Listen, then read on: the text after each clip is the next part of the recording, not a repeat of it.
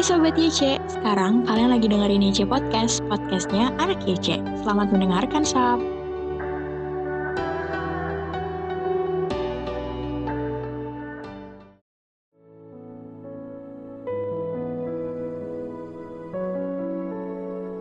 Shalom Sobat Muda, hari ini Selasa 9 November 2021 kita akan merenungkan firman Tuhan dengan judul Jangan Pura-Pura Tidak Tahu. Bacaan renungannya diambil dari 2 Petrus 3 ayat 17 sampai 18. Dalam beberapa tradisi gereja, ketika seorang anak melakukan kesalahan, maka orang tua anak itu diminta untuk menyatakan pengakuan dosa. Hal itu dilakukan karena anak-anak dianggap belum tahu apa yang diperbuatnya. Beda soalnya ketika orang dewasa berbuat kesalahan ia harus secara mandiri bertanggung jawab atas perbuatannya karena ia dipandang sudah paham benar salahnya suatu perbuatan. Bagian penutup surat ini menegaskan dengan keras bahwa jemaat yang menerima surat Petrus ini sebenarnya sudah mengetahui semua hal yang dituliskan di dalam surat tersebut. Mereka bukan jemaat yang kosong, dalam arti sama sekali tidak mengetahui apa-apa oleh karena itu, mereka harus waspada. Jangan sampai mereka mengesampingkan atau melalaikan pengenalan mereka akan Tuhan Yesus, lalu mengikuti jalan yang salah. Yesuslah satu-satunya Tuhan dan Sang Juru Selamat. Mereka tetap harus meyakini kebenaran yang sudah mereka ketahui dan memegangnya dengan teguh, lalu bertumbuh, sehingga Tuhan dimuliakan melalui kehidupan mereka.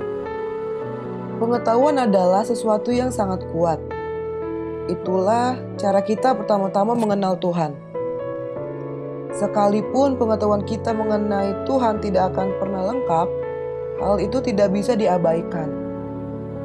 Kita tidak bisa mengatakan bahwa yang penting hatiku percaya tanpa tahu siapa Tuhan yang sejati dan apa karyanya.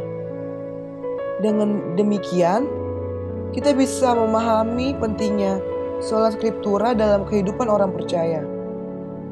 Alkitab menjadi satu-satunya sumber pengetahuan yang berwibawa sebagai firman Tuhan. Dari dalamnya, kita diperkenalkan kepada Tuhan serta kehendak dan karyanya.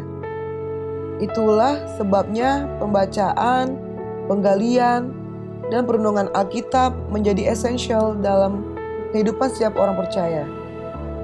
Tentu saja, Pengenalan itu tidak berguna jika hanya berhenti sebagai pengetahuan.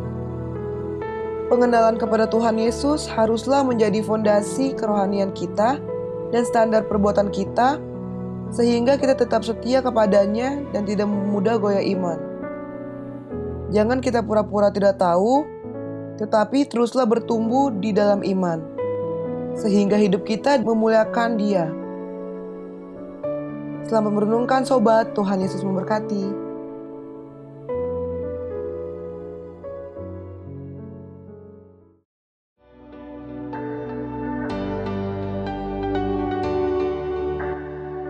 Terima kasih ya udah dengerin IC Podcast. Yuk bantu share ke teman-teman yang lain agar semakin banyak yang diberkati.